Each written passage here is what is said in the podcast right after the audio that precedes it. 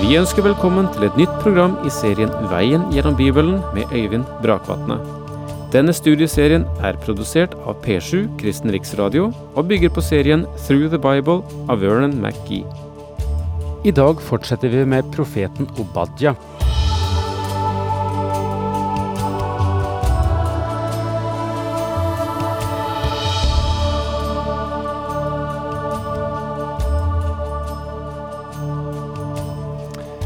Av og til eh, får jeg en kommentar fra mennesker som sier at jeg, jeg tror at jeg må bytte lege.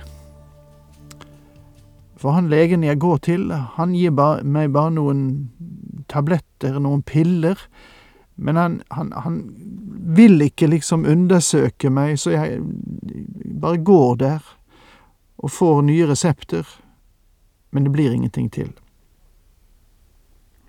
Ja, det er en beklagelig situasjon. Og vi har jo et eget uh, uttrykk for det å kalle det for pilledoktor.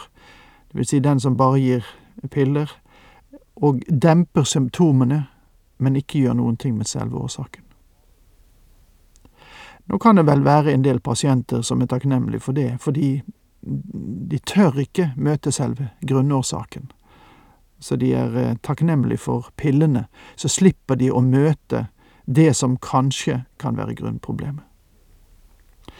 Og slik skjer det også ofte i vårt forhold til synd, i forhold til det som er selve kreftproblemet, om du så kan si grunnproblemet, hos et menneske.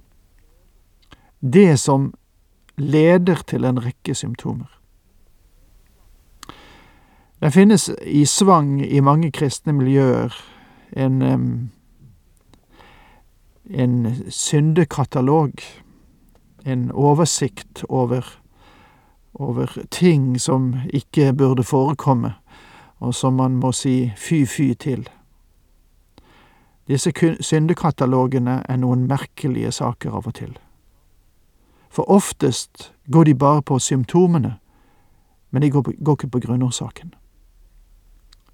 De går på selve utvekstene, men ikke hva som er årsaken til det. Og derfor blir det også så galt, og det blir så sterilt i mange menighetssammenhenger, fordi man ikke egentlig retter seg efter Guds ord, men efter sine egne kataloger mye mer. Når det dreier seg om Obadjas bok som vi nå er inne i, så sier Obadja at det finnes en hel del som hefter ved Edom og som er årsaken til at Gud må tukte dem og dømme dem, dette folket som sprang frem av Esau. Men selve grunnårsaken er hovmod. Og det andre er bare resultater av at hovmodet får gro, får vokse og får gi sin avkastning, gi sin frukt inn i dette folket. Så grunnproblemet for Edom, og sikkert ikke bare for Edom, men for mange folkeslag efter det, har vært hovmod. Men ut fra dette hovmodet springer det en rekke forhold som Obadja påpeker, og det er fem spesifikke handlinger som er nevnt her, som stammer fra den kolossale stolthet eller dette hovmod som fylte Edom fra den livsholdningen, altså at de kunne leve sitt liv uten Gud. For det er det som er selve basis for hovmod. Edom sluttet seg til Israels fiender, enda det var deres kjødelige brødre, kunne vi nesten si, eller deres blodsbrødre, deres slektninger, som var i vanskeligheter. Og ved siden av det så lo de av eh, Israel. Og denne, eh, denne nedverdigelsen og nedvurderingen av Israel var en av anklagene mot dette folket. Og i tillegg til det så tok de krigsbytte Altså For det første så sluttet de seg til Israels fiender. De eh, hånlo av folket. Deretter så tok de krigsbytte, de tok eh, og skummet fløten av dette folks elendighet. De plyndret Israel etter at fienden hadde ført israelittene i fangenskap. Til det som vi da tidligere har snakket om, så kommer det også et femte forhold, som springer frem fra hovmodet, for dette er hovmodets frukt. Og nå går vi inn igjen i teksten, Obadja, vers 14. Du skulle ikke ha stått ved veiskillene og hogd ned dem som prøvde å komme seg unna, og ikke utlevert dem som slapp fra det den dagen folket var i nød. Etter min mening er dette deres nedrigste handling. Det er bunnen av det de gjorde.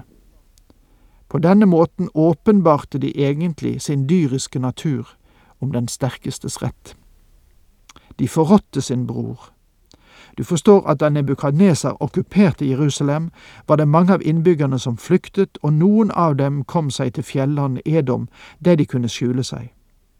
Men edomittene anga disse innbyggerne fra Jerusalem og fortalte fienden hvor de skjulte seg og når babylonske soldater kom langs veiene og spurte edomittene om de hadde sett noen israelere, så ga de ikke fem flate øre for å anvise stedene der disse forskremte Jerusalemsfolkene skjulte seg. De forrådte sine brødre. Jeg snakket med en dyktig forretningsmann her for litt siden, og han sa at forretningsverden er stadig mer blitt et spørsmål om høk over høk. Og slik vil det alltid bli om vi lever vårt liv uten Gud. Mennesket vil skape et navn for seg selv, de vil ha penger, de vil ha suksess. Hva ligger egentlig bak det? Hovmod. Hva er hovmod? Det er en livsholdning uten Gud. Den fører mennesker til å forråde andre. Den vil få meg til å forråde en medarbeider for at jeg skal ha en jobb. Og mange vil late som de er venner, mens de egentlig er fiender. Og det er tegn på et sykt samfunn. Jeg ville gjerne latt være å si det, men noe av denne holdningen er også i ferd med å trenge inn i menigheter og kristne grupper. Her er det også blitt et spørsmål om stillinger og avansement, en god plattform og et lukrativt utkomme. Ser du nå hvorfor Gud avskyr hovmod? Den får mennesker til å handle som dyr, og faktum er at et menneske, når det forsøker å leve uten Gud, egentlig styrer seg selv lavere enn dyrene. Og derfor er Obadias bok Guds rystende svar på hva hovmod fører til. Vi vil gjerne tro at vi står over dyrene, og slik hadde også Gud tenkt det, men faktum er at mennesket er den eneste skapning som kan synke dypere enn dyrene. Takk være hovmodet og til stadighet sier Gud at han avskyr hovmod, han har aldri bedt meg om å unnskylde ham for det. For at du skal få se forholdet mellom Edom og Israel, så la oss rykke fram til Kristi tid.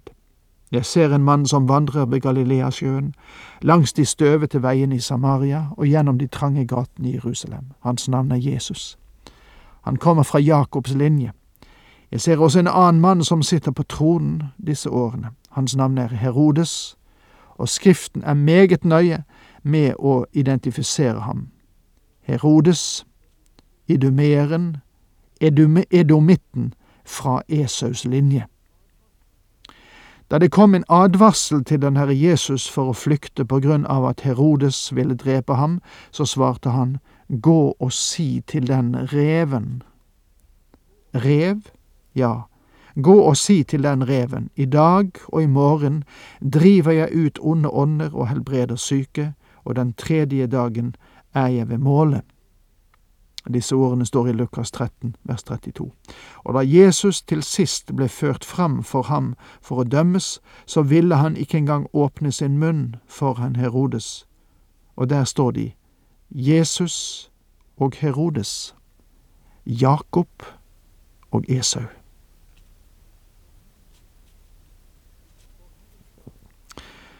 For Herrens dag er nær over alle folkeslagene. Som du har gjort, skal det gjøres med deg. Gjengjeldelsen kommer, over ditt hode. For Herrens dag er nær. La meg igjen minne dere om at uttrykket Herrens dag er teknisk, et teknisk uttrykk som dekker en tidsepoke som begynner med den store trengselen. Du og jeg lever i nådens tid, eller Kristi tid. Vekten i dag ligger på Den hellige ånd, som tar det som er av Jesus, og viser det til oss. Etter at de sanne troende er hentet hjem, og de kalles kollektivt for kirken eller menigheten, så begynner Herrens dag, og den vil begynne med mørke og dom og den store trengselsperiode. Det som følger etter denne fryktelige tid, er at rettferdighetens sol vil gå opp med helbredelse under sine vinger, som vil være et faktum når den Herre Jesus Kristus kommer til jorden for å opprette sitt rike. For Herrens dag er nær over alle folkeslagene, og det vil si alle nasjonene. Når Jesus er kommet til jord for å opprette sitt rike, vil det være en dom over nasjonene, som Herren selv beskriver i Matteus 25.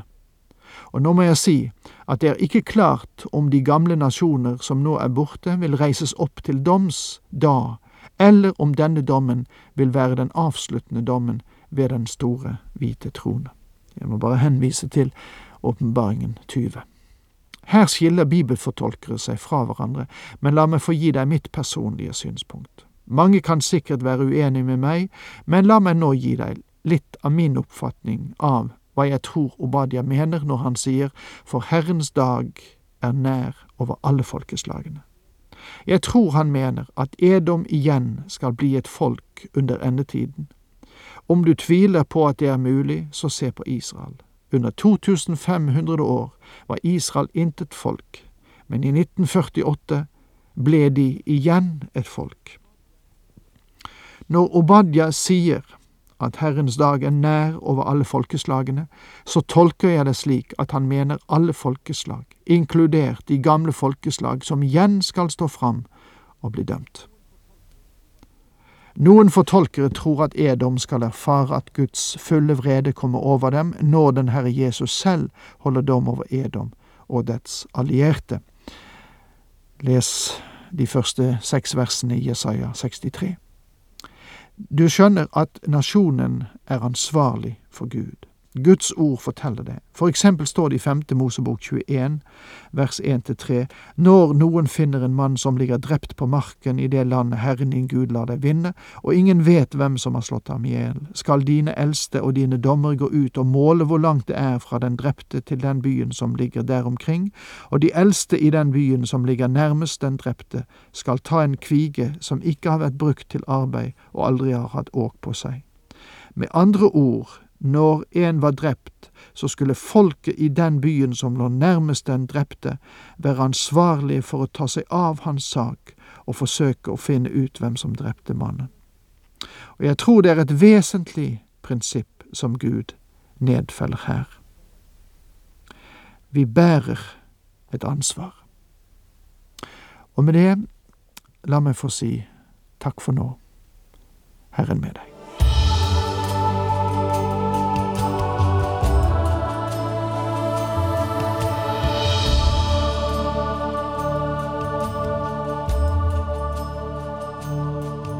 Du hørte Øyvind Brakvatne i studieserien Veien gjennom Bibelen. Serien bygger på et manus av Vern McGee. Har du spørsmål eller kommentarer til programmet, kan du sende en e-post til vgb krøllalfa p7.no. Takk for i dag, og på gjenhør.